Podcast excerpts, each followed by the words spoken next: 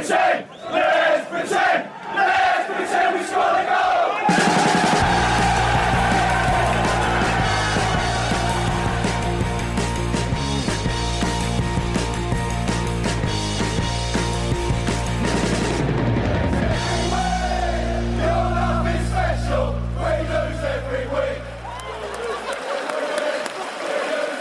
Premier League-podden, eh, Sportbladets Premier League-podd, är tillbaka denna torsdag. Vi är ju igång med Premier League igen och då måste vi ju starta upp PL-podden här igen också.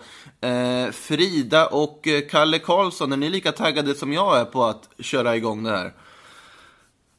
Ja, absolut. Eh, drack precis en shot eh, äppelcidervinäger som jag alltid gör varje morgon. Så just nu så jag vet inte, det brände till lite extra just idag. så jag vet inte varför. Men eh, nej, självklart är man glad. Eh, och det var ju en händelserik första kväll, minst sagt.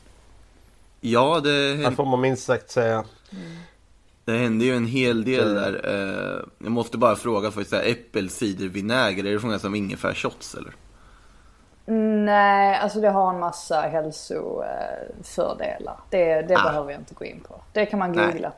Det är bra. Ja, Du har, du har gått över, du, du har övergett Nocco för hälsosamma Men Kalle, drycker. det var ju, jag har inte druckit en energidryck på ett och ett halvt år, tror jag. Det är. Det är starkt. Ja, jag slutade ju helt. För jag gick från 100 till 0. Nej, det- Det är mer än jag kan säga när det gäller Trocadero Zero. Jag är fortfarande kvar i träsket. Och chokladbollar.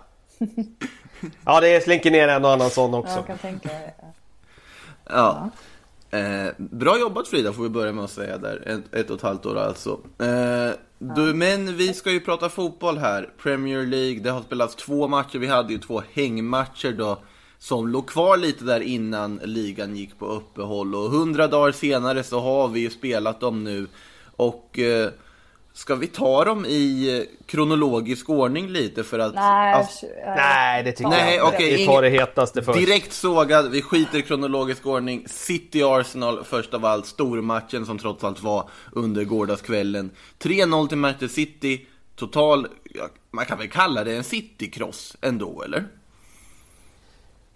Ehm, alltså, ja. Ehm, det roliga är att hade man sagt det efter de 20 första minuterna så eh, hade man ju tänkt oj vad, vad kommer hända här med Arsenal för att det ska kollapsa så pass. För att det såg ju väldigt lovande ut där i början. Eh, sen är det klart att skadan där på Xhaka redan efter fem minuter gör ju att Arsenal automatiskt, att det blir lite hackigt. Eh, man tvingas slänga in Dani Ceballos.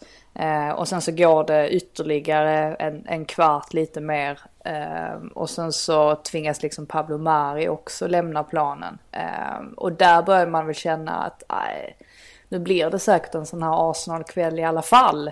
Eh, särskilt eftersom att Kevin De Bruyne verkar vara på otroligt spelhumör. Han eh, verkade inte påverkas av att det var tomma läktare i alla fall utan spelade ju helt bländande. Ehm, så att, ehm, nej sen när David Luiz kommer in också så tänkte man väl att nu får han ju också visa här om han ska förtjäna att ha den där höga lönen ytterligare ett år. Eller i alla fall att stanna kvar i Arsenal.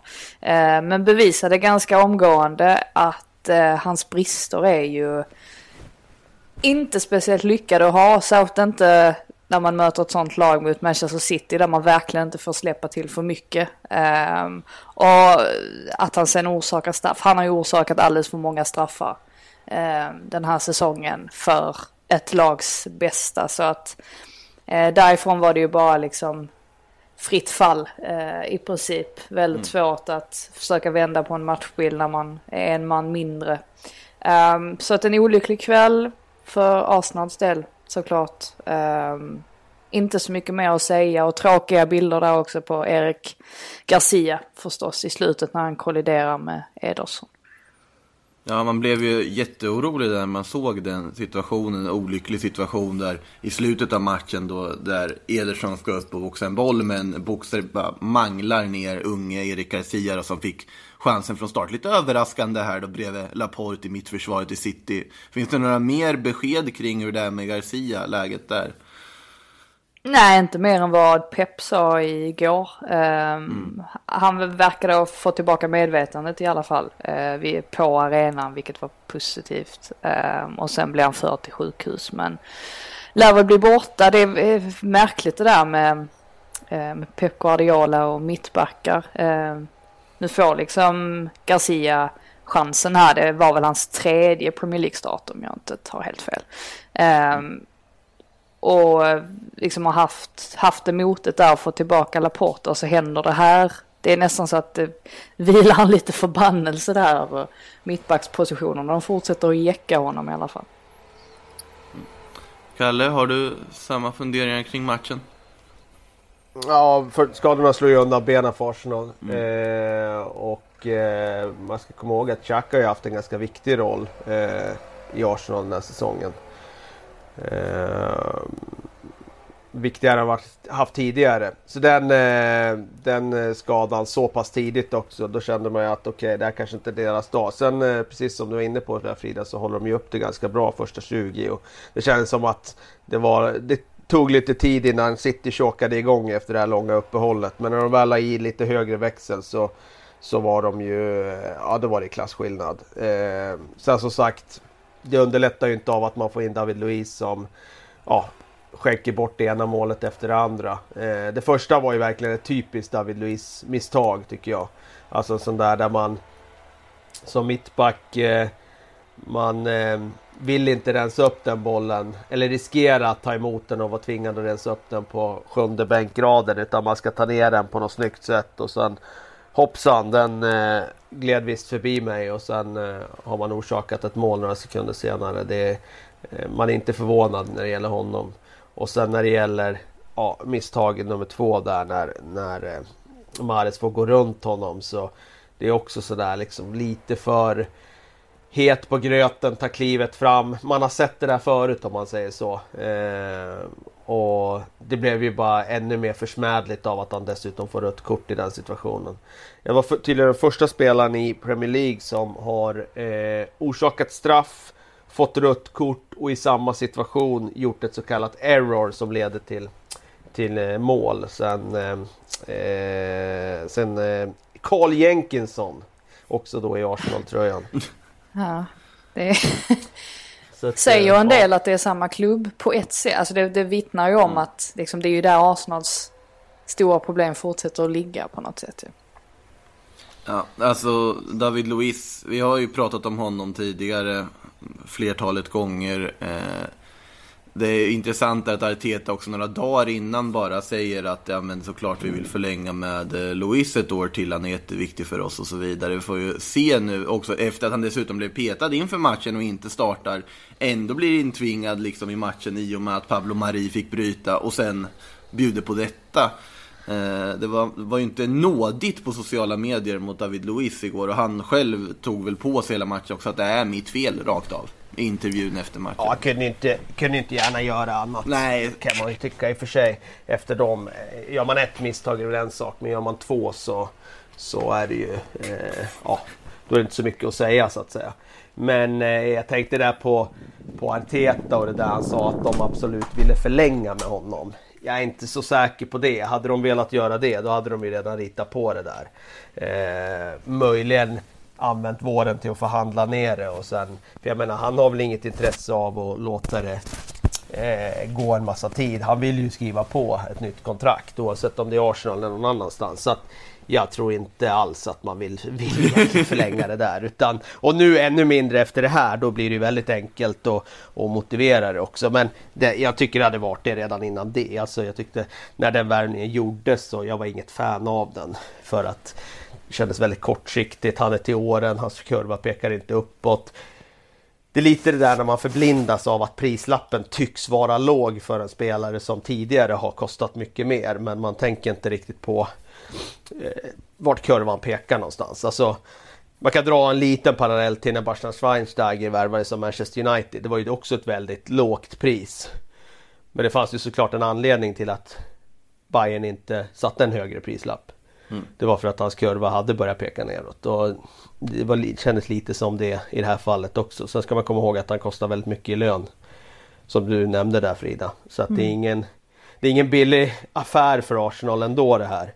Och jag tror att man hade man bara scoutat så hade man hittat en bra ung mittback för eh, billigare poäng. Ja, och jag reagerade ju också på vad Arteta sa i intervjun innan matchen. Um, alltså där blev det ju ganska tydligt liksom att det är någonting som har Uh, alltså att någonting har skett och att det är därför David Luiz inte startar helt enkelt. Alltså där blev jag ganska övertygad om att nej, men nu, nu kommer han ju lämna. Uh, så att jag, jag börjar också luta mig mot att uh, kanske är så att liksom, till och med Arteta förstår att det, det är ju ingen idé. Det är klart att David Luiz har varit viktig under våren och sådär men det räcker ju liksom inte. Um, Alltså man, man kan ju inte göra, göra den typen av insatser som han gjorde under gårdagen. Eh, och sitta på en sån lön, det, alltså det är helt oförsvarligt. Eh, så att ja, men, men så är det. Mm. Måste väl prata lite, jag nämnde det tidigare, med Arsenals skador också. Alltså, man tänker, är det bara ren otur att man får de här smällarna så pass tidigt i matchen? Det, det kommer ju bli mer skador och mer skavanker och sånt när det är tajtare matchschema, men det här är ju första matchen att Xhaka ryker efter fem minuter, Pablo Mari försvinner också. Vi såg ju känningar på Mustafi och så vidare där dessutom. Så. Ja, alltså Xhaka var ju inte med mot Brentford. Um, mm. Men i det här fallet så ser det ju, så är det ju, verkar det ju bara vara liksom att han, alltså det blir, han trampar liksom snett helt enkelt. Mm. Uh, inte mycket mer än så. Uh, men däremot Pablo Mari ser ju mer ut att vara någon sorts muskelskada. Ehm, så att, ehm, nej, vi får väl se hur, hur pass allvarligt ehm, det är med, med honom. Men jag vet inte, jag tror jag besvarar mig, eller eh, besparar mig att liksom skylla på eh, uppehåll och sådär eh, lite mm. till. Tycker inte man ska dra några förhastade slutsatser så att säga. Låter klokt. Eh, vad tycker vi annars om älvorna i övrigt då? För att det är ju efter ett uppehåll och så vidare så är det ju all, ganska oklart hur lagen ser ut och så vidare. Och det var ändå lite överraskningar i både City och Arsenal själva får man väl säga. Ja, det är väl eh, verkligen ett tecken på att att spelare inte är tillbaka i fysisk form och så vidare. Arsenals elva innehöll ju en hel del överraskningar. Det var ju väldigt mycket ungt där framme med Willock och Enketa och, och eh, Saka har väl i och för sig spelat till sig en ordinarie tröja så men oftast på ytterback den här säsongen snarare än ytter. Och eh, Guendouzi fick ju chansen också centralt så att eh, Ja det var, det var lite överraskande elva från Arsenals del och det är klart ska de åka bort till Etihad eh, och plocka poäng så, så bör de göra en perfekt match om de inte har ordinarie lag. Men jag tror att det är så att eh, man får köpa här i början eh, att eh, det kommer inte vara full fitness på alla och det kommer vara lite spelare där man är tvungen att göra bedömningen att spelarna inte håller riktigt för start. Det var ju så i City också att det var några eh, kanoner som, som fick börja på bänken. Vad säger vi annars om Citys insats? Nej, bra tycker jag från 30 minuter och framåt. Eh, det är ju det där, visst, eh, Louise gör ju det där misstaget och det är ju bjudning såklart. Men de hade ju andra chanser där de verkligen testade Bernt Leno där han höll Arsenal kvar i matchen. Och då skapar de ju chanserna på att de verkligen spelar sig till lägena. Eh, de får jobba ihop dem själva och de gör det och jag tyckte de gör det väldigt bra. De Bruyne var vi inne på, han var ju eh, helt eh, magisk i vissa aktioner. Det var ju som att han hade tränat under det här uppehållet medan alla andra hade legat på soffan kändes det som. Han var snabbare, starkare, piggare och sen hade han ju all den där ja, individuella kvaliteten som vi har vant oss vid. Men just det där att han var sådär kraftfull och bara tryckte ifrån ibland. Eh, det, ja, han, han underströk att han eh, har varit, eh, tyck, i mitt tycke faktiskt, säsongens bästa spelare. Mm. Eh, ska vi röra oss vidare då? Tillbaka rättare sagt till den eh, första matchen som spelades här under gårdagen. Eh, Aston Villa, Sheffield United slutade 0-0 på resultattavlan, men det är ju inte resultatet eller Dean Hendersons väldigt fina insats måste jag säga när han räddar flertalet fina möjligheter för Aston Villa. Det är ju inte det man talar om egentligen efter den här matchen, för det var ju en situation som ja, fick väldigt många att spärra upp ögonen ganska rejält. Där, ja, ett spökmål. Det ska inte kunna ske. Vi har ju målkameror, vi har VAR, men det var faktiskt en boll från Sheffield United som var inne i Aston Villas mål. Tydligt på alla reprisbilder och så vidare. Men domarklockan reagerade inte. Det blev inget mål och spelet fortgick. Vad, vad säger vi om den här otroligt underliga situationen?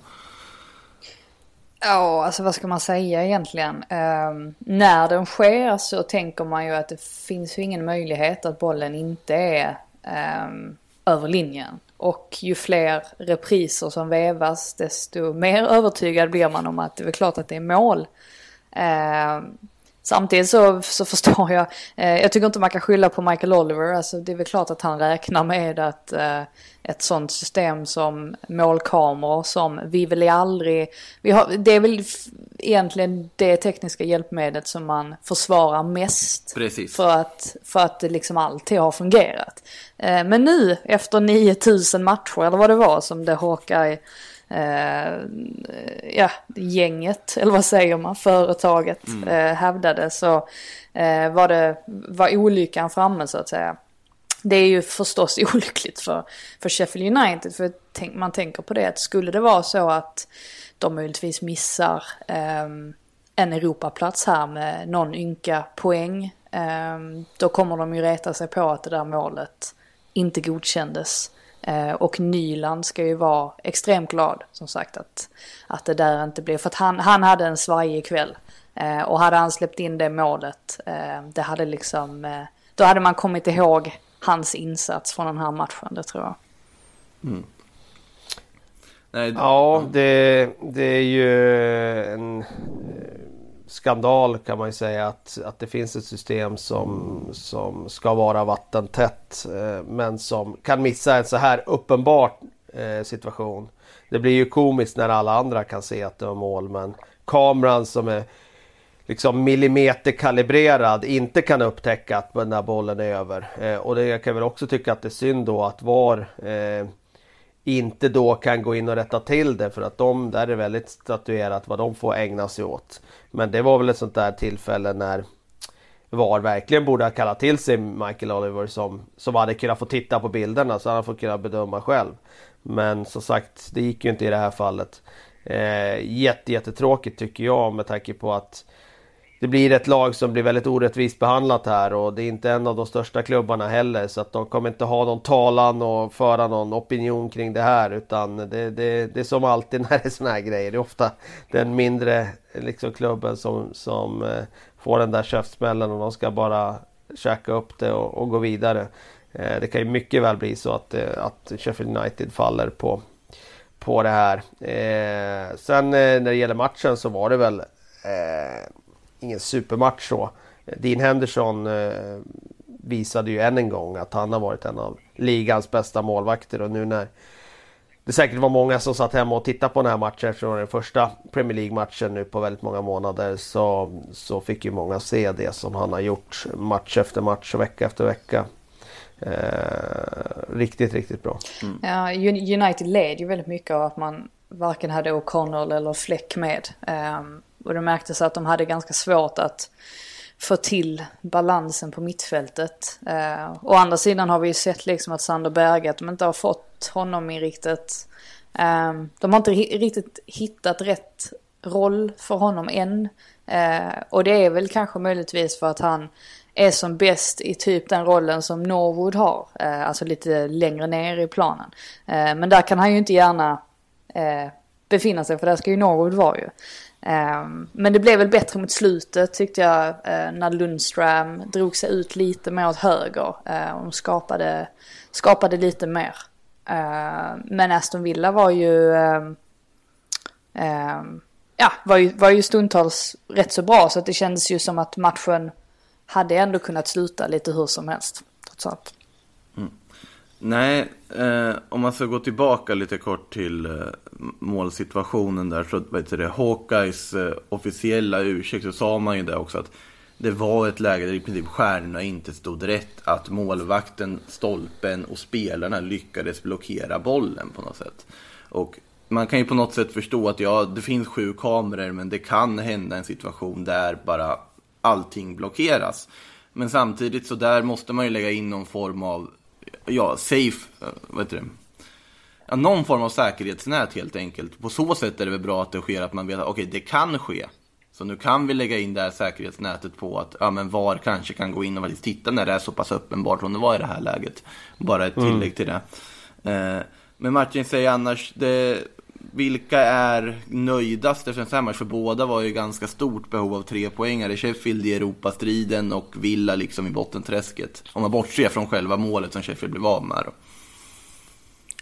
Nej, men jag tycker ändå med tanke på att Dean Henderson gör så många, om man helt bortser från målet mm. som blev bortdömt, så man, Dean Henderson gör ju ändå en del matchavgörande räddningar. Så jag tycker nog ändå Sheffield United ska vara nöjdast med det för att Villa tycker jag har ett, ett antal rätt högkalibriga chanser där man ser att det finns inget självförtroende riktigt i... Eller så ska jag inte säga heller men det, det, liksom, det finns ingen kvalitet att bara vara distinkt och sätta dit mm. den. Jag menar, i första tio där har de ju en nick från vad det, en och en halv meter där på hörnan. Han får ju gå upp och, och nicka den helt fritt. Först, den första nicken bortre ytan och så kommer den tillbaka och så får han nicka den. Alltså är man bara inne i flytet då gör man ju mål på en sån chans. Men Villa är inte... Nej, de är, de är ospetsiga tyvärr. Och... Eh, eh, jag, jag, jag tycker nog Sheffield ska vara mest nöjda med det. Mm. Eh, innan vi kikar lite på det som komma skall här nu i helgen, för det ska ju spelas ännu en omgång nu. Nu, kommer ju, nu startar du på riktigt här till helgen. Eh, publikljudet, hade ni på det? Hade ni inte på det när ni kollade igår? Eh, nej, jag hade inte på det. Ehm, eh, jag, hade, jag har ju pratat tidigare om att jag tycker att det är helt okej. Okay, men eh, i det här fallet så mm. ville jag verkligen fokusera på fotbollen. Så nej, det hade jag inte. Nej, jag hade inte heller på det. Eh, jag ska testa lite både och sen framöver här. Men eh, jag eh, hade inte på det igår i alla fall. Mm. Nej, I övrigt då känner ni med inramning och så vidare. Vi har ju sett exempel i Bundesliga och så vidare nu och när, när, hur det ser ut helt enkelt. Här hade man ju lite andra grejer. Det hade ganska mycket, vet man ska kalla dem tifon med liksom flaggor som låg över läktare så det inte var lika mycket så här, tomma stolar på arenan. Vet, I Citys fall så hade du en liten bild, bildskärm där med fans som satt med sina kameror hemma. Eh, vad tyckte ni i övrigt om liksom inramningen? Nej, det blir ju ihåligt såklart och det blir ju mm. som att de spelar Emirates Cup. Det är känslan över det hela. Eh, det känns ju inte som att det är ett toppmöte i Premier League.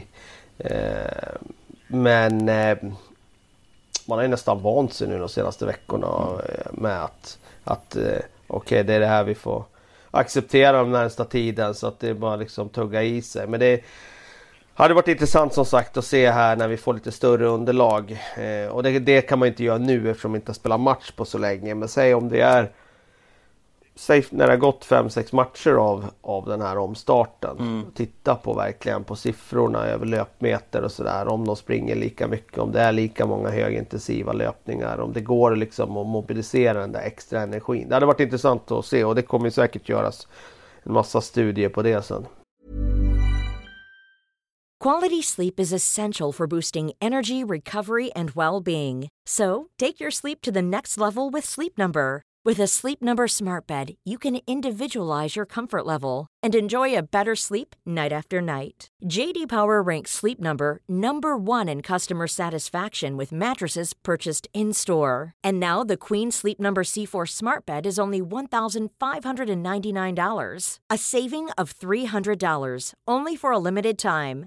For JD Power 2023 award information, visit jdpower.com/awards. Only at Sleep Number stores or sleepnumber.com.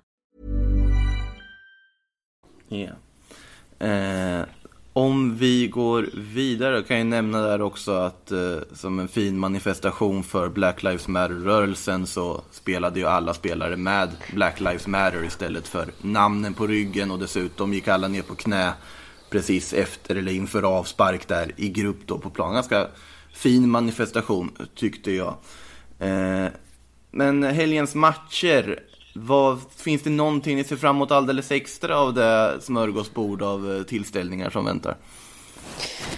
Um, ja, alltså det går inte att komma ifrån att man ser fram emot uh, Spurs, Manchester United. Um, det är mm. mycket man vill um, det är mycket man är intresserad av där. Alltså dels om Manchester United kan fortsätta vara Eh, nej men alltså hålla i det momentumet som de hade innan ligan sattes på paus. Och för Spurs del var det ju i princip tvärtom. Man har ju nästan glömt vilket, vilket kaos det var där. Eh, och om de liksom kan komma på rätt köl igen. Eh, så nej, det där är ju eh, väldigt mycket att hämta av den. Och sen är det klart så blir det ju intressant där. Eh, alltså för Arsenals del när de möter Brighton igen då på, på lördag. Eh, då måste de ju lite grann vinna. Eh, om de ska liksom mm. ha, eh, ja om de nu siktar på en Europaplats som är så himla vital för deras ekonomi och så vidare. Så att eh, jag, jag ser väl främst fram emot eh, de två. Mm. Kalle, är det samma matcher du kommer knappa in eller kör du? Jag vet inte hur många du kan se i och för sig med tanke på att Västerås kanske lirar väl också i Ja, vi lirar inte midsommarafton. Vi lirar på söndag. Så ah. att eh, fredag, lördag så kommer jag titta. Sen måste man ju förhandla lite grann om man ska få igenom och, och gå ifrån på midsommarafton och kolla Premier League. Men, men eh, jag räknar kallt med att vinna den förhandlingen så att eh, vi, eh, vi kan ju räkna in den matchen i alla fall som Frida nämnde. Sen eh, tycker jag det är intressant som, ja, som du var inne på där Frida med, med Arsenal där. Hur kan de resa sig? Det är ändå två skador. Mm. Eh, det var en rätt bräcklig trupp eh, redan eh, som kom till start igår med tanke på att man hade eller ja, så blandat upp elvan så pass mycket som man gjorde. Eh, så det är intressant att se om man kan resa sig. Och sen blir det ju superintressant att se egentligen bara om det är något lag som kan vara liksom starka rakt ur startblocken här nu när det drar igång igen och, och skaffa sig momentum. För att Även om Norwich ligger långt efter så säg att de skulle bara få någon slags sådär som de fick där i början av ligan när de går och slår Manchester City och så vidare. Bara komma in i ett flyt nu, ja men då är det inte helt omöjligt. Eh, och det blir intressant att se om det är något lag som bara är som på nytt nu. Att vi inte ens nämner Liverpool indikerar ju bara att vi liksom redan har släppt titeln till dem. Eh, och i och med att City vann nu så kan de ju inte säkra titeln på Goodison heller. Så att Eh, men men det, den matchen kommer man förstås se, alltså Merseyside-derbyt. Ehm, så, så att ingen, ingen Den ligger ju så långt fram. Ja, det är ju ända på söndag. så långt fram precis, precis. Lever i nuet hemma hos Kalle Karlsson här hör jag. Söndag är allt för långt fram. Ja men det är bra. Man ska leva ja, det är i helt, Man ska leva i nuet. Jag, jag ser ju fram emot att se Mike Dean i Everton Liverpool. Ja, det, det är ju det jag kommer rätta in för. eh, har han fått den matchen? Han har fått alltså? den matchen. Jag blev väldigt lycklig av att se den. Nej, jag vet inte. Det är nog många som Ibland är det som att de, de liksom eh, vill öka underhållningsvärdet ja, när de ger han vissa matcher. Det, det kan ju inte vara på någon slags grunder av att han är den bästa domaren i alla fall. ja men det måste Nej. vara det, man börjat inse att men vi använder Mike Dean i de matcher vi vill piffa upp liksom och göra extra reklam för. För att folk, vi vet att det kommer dyka upp eh, folk, typ Makoto, som vill se fotbollen bara för Mike Dean är med. Uh, I alla fall, uh, tänkte, du nämnde Norwich lite där och deras, om de kan hitta någonting. Det är ju intressant att de sker till Southampton nu också, under uppehållet ganska nyligen här, att uh, Pierre-Emil Höjbjerg har blivit av med kaptensbinden efter att öppet har sagt att han vill lämna och att och eh, James Ward-Prowse då har tagit över den. Det är intressant att göra ett sånt kaptensbyte så här. Nu, nu är ju en kapten, lagkapten vet jag inte hur stor vikt det har på själva plan, men liksom i omklädningsrummet och så vidare. Att göra det här bytet så pass tätt in på att vi ska starta upp serien igen.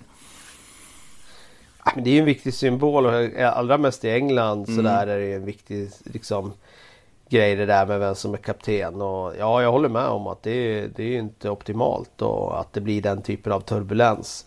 Eh, nu kan man ju kanske känna att SA-15 ligger på hyfsat säker mark. De har ändå sju poäng ner till ja, Bournemouth som är under strecket. Men som sagt Säg att man skulle börja rada upp förluster här och sen ska de där lagen i botten mötas och de tar poäng av varann och börjar vinna någon extra match mot lagen på övre halvan. Då har man ätit upp det där försprånget och då kommer det bli tight hela vägen in. Eh, jag sätter stor tilltro dock till Ralf Hasenhüttel. Jag tycker att han har gjort ett fenomenalt jobb med små resurser eh, i SA-15. Så att tack vare honom så tror jag att SA-15 ändå grejar kontraktet. Hasenhüttel förlängde väl sitt kontrakt dessutom för inte allt för länge sedan tror jag. Ehm, vilket var ganska häftigt att se med tanke på att man, man fortfarande har den där 0-9 matchen mot Leicester som någon sorts ehm, eh, alltså en höjdpunkt under säsongen, alltså någonting som man minns väldigt starkt fortfarande. Men de lyckades ju verkligen göra en total liksom eh, tvärvändning där, eh, vilket hedrar honom. Ja, det var ju någon Ja precis, det är nästan så att det, det är nästan så att det talar till hans fördel. Visst, det var ju en försmädlig förlust då och den var pinsam för alla inblandade. Men eh, att bara resa sig efter den och, och ändå... För de hade en rätt bra period här under... Jag vet inte om det var under tidiga våren. Eller, Absolut. Danny Ings var ju hur het som helst. Ja precis, och eh, för jag kan säga, jag, jag känner att jag hade ju tippat SA-15 väldigt långt ner i tabellen. Jag tror jag hade precis under nedflyttningsstrecket den här säsongen. För jag tycker de har blivit sämre och sämre för varje år. Så att jag tycker att om de klarar kontraktet så i min värld har de överträffat mina förväntningar. Ja, det är tur att Danny Ings blir bättre och bättre. Ja precis, eh, utan honom hade de ju legat ganska rejält begravna under strecket. Ja. Eh, det var ju lite av en här vändpunkt, verkligen på riktigt. Alltså att de blev ju bra efter den här 9-0-segern på något sätt och började rada upp segrar. Så det är ju otroligt imponerande jobbet som Hassenhüttel har gjort där. Något annat som är imponerande som vi måste nämna är ju Marcus Rashford också. Alltså hyllningarna har ju varit enorma i England nu här efter att han då efter en ja, ihärdig kampanj och pushat för det sett till att brittiska parlamentet ändrat sig och nu låter ja, fattiga skolbarn fortfarande få skollunch under de här kommande veckorna. Eh, För att sammanfatta historien kort finns ju att läsa överallt annars om ni vill veta lite mer exakt vad det är för lagändring som Rashford jobbade mot. Men eh, det ska bli intressant att se, höll ju på att säga att det skulle bli intressant att se hur eh, Spurs-publiken tar emot honom. Man har väl inte helt vant sig det med tomma läktare än inser jag. Men Rashford, några korta ord om honom och det han har gjort. Han har ju verkligen utnyttjat det här uppehållet för det bästa, kan man säga. Jag ska säga några korta ord om Marcus Rashford, men bara skjuta in när vi ändå var inne på alltså, lagen som ligger i botten. Bara sådär att Ryan Fraser nu eh, har bekräftat att han inte kommer skriva på något kontrakt, eh, alltså någon Ja. förlängning. Så att han lämnar ju Bournemouth den 30 juni. Eh, vilket förstås är ett alltså, hårt slag mot dem eh, som ju kämpar om att eh, få stanna kvar i ligan. Eh, bara en liten sådär notis att det har hänt. Ganska Ja, rejält. den är ju ganska speciell också med tanke på han borde rimligen ha en ganska bra och nära relation med Eddie Howe med tanke på att han har varit där och fått sitt genombrott där. Och att han då inte vill skriva en månad till. Man kan förstå det, för om man ser ur hans synvinkel så riskerar ju han att ta en skada då och då får inte han chansen att skriva det där kontraktet som han såklart väntar på att göra nu som free transfer. Han, han cashar ju in ordentligt nu. Eh, så man kan förstå honom. Samtidigt så, så hamnar ju Bournemouth i en, i en prekär situation av det. Det är ju inte det snyggaste sättet att lämna en klubb på, även om man förstår varför. Så kan vi ju säga. Nej precis, det är egentligen så man eh, kan sammanfatta det. Nej, för det var ju också intressant. Det var väl lite alltså, stelt i det där pressmeddelandet också. Att de här fyra kommer förlänga sina kontrakt och hjälpa Bournemouth. Ryan Fraser lämnar istället, liksom i slutet, bara ensam. Det. Eh, En eh, intressant situation. Vi får se om det kommer några fler sådana. Men just det, Rashford-ord.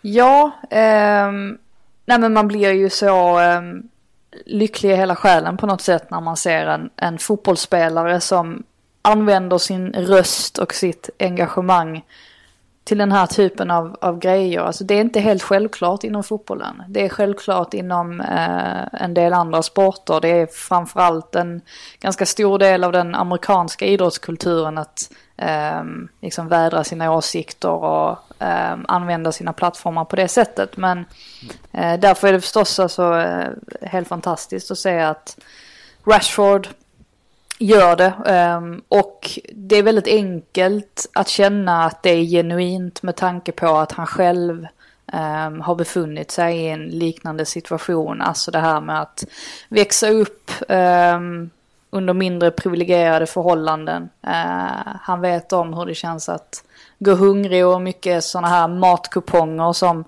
eh, delas ut till barn, hur mycket de kan betyda. Så att, eh, nej, väldigt, väldigt fint. Eh, och eh, kul att se och framförallt att eh, man hoppas att detta kan inspirera, inspirera fler spelare till att göra liknande initiativ. Mm. Någonting också att han dessutom lyckas med, att han faktiskt får politikerna att ändra sig, bara att visa att oj, okej, så här mycket makt har faktiskt en fotbollsspelare idag. att man kan bygga en opinion på det här sättet och få politiker att ändra ett beslut. Det i sig är ju otroligt imponerande och förhoppningsvis inspirerar det många andra till att använda sina röster på det här typen av sätt. Så, eh, väldigt imponerande att se. Innan vi kilar över på lite lyssnarfrågor så undrar jag om det är något annat ni vill tillägga om de kommande tillställningarna. Nej, kör på. Då kör, på vi, det. då kör vi lite lyssnarfrågor tycker jag. Ska vi se om vi hittar dem också bara. Eh, det har kommit in en del som vanligt här då. Vi kan väl eh, börja med eh, Edvard Nilsson frågar här, det är ju svårt kanske att veta, men eh, vad kommer bli den största skrällen i helgens möten? Och då kan vi väl tänka oss då, sett till liksom allmänna opinionen om lagen och så vidare. Vart har vi en skrällmöjlighet tror ni om ni tittar på matchen som ska spelas? Alltså jag vet inte ens om man kan kalla, skulle Brighton besegra Arsenal så är det ju ingen skräll ja. för att de... Ja, de, men det är väl en skräll eller? Ja fast de, de vann ju på det Emirates ju så det, ja, det är ju två av två då.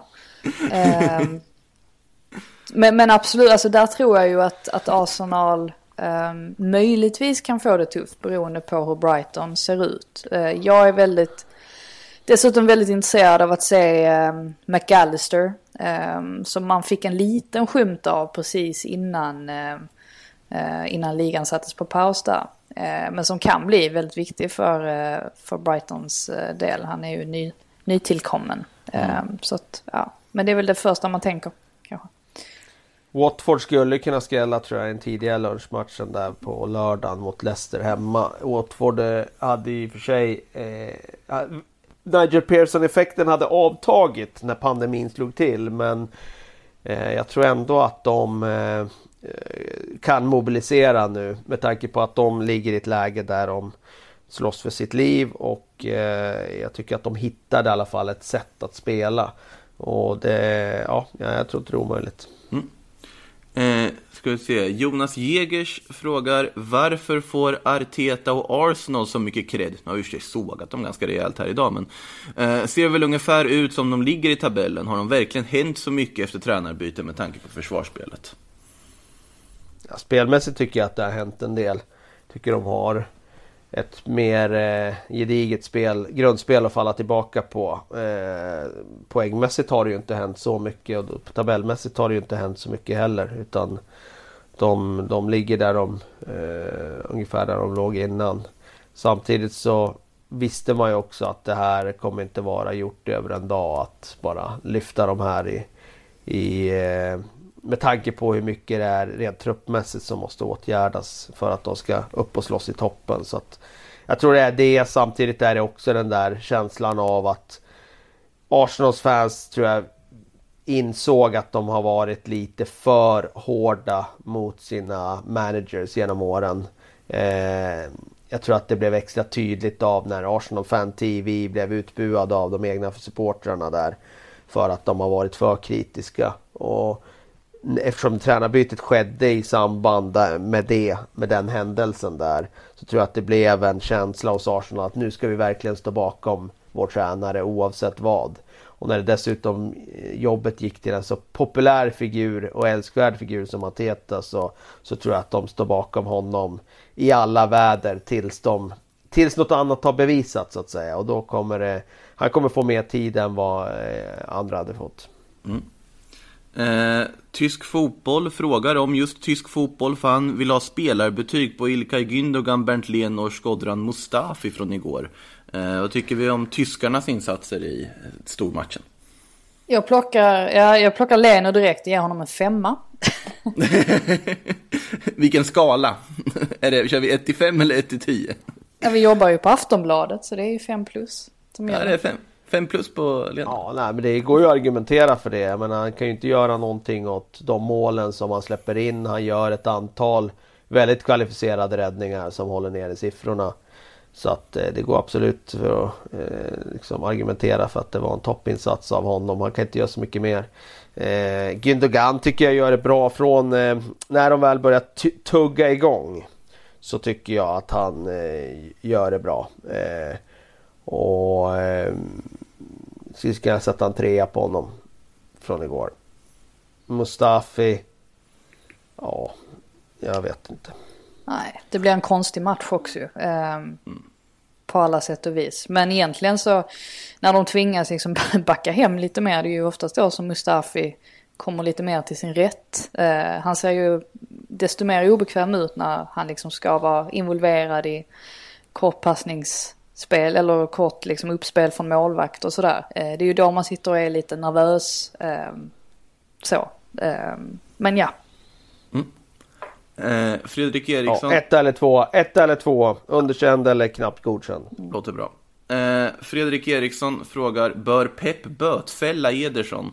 Kan inte släppa Edersons agerande när han skadar Garcia. Han måste hejda sig. City leder 2-0, det är 10 minuter kvar och han läser situationen horribelt.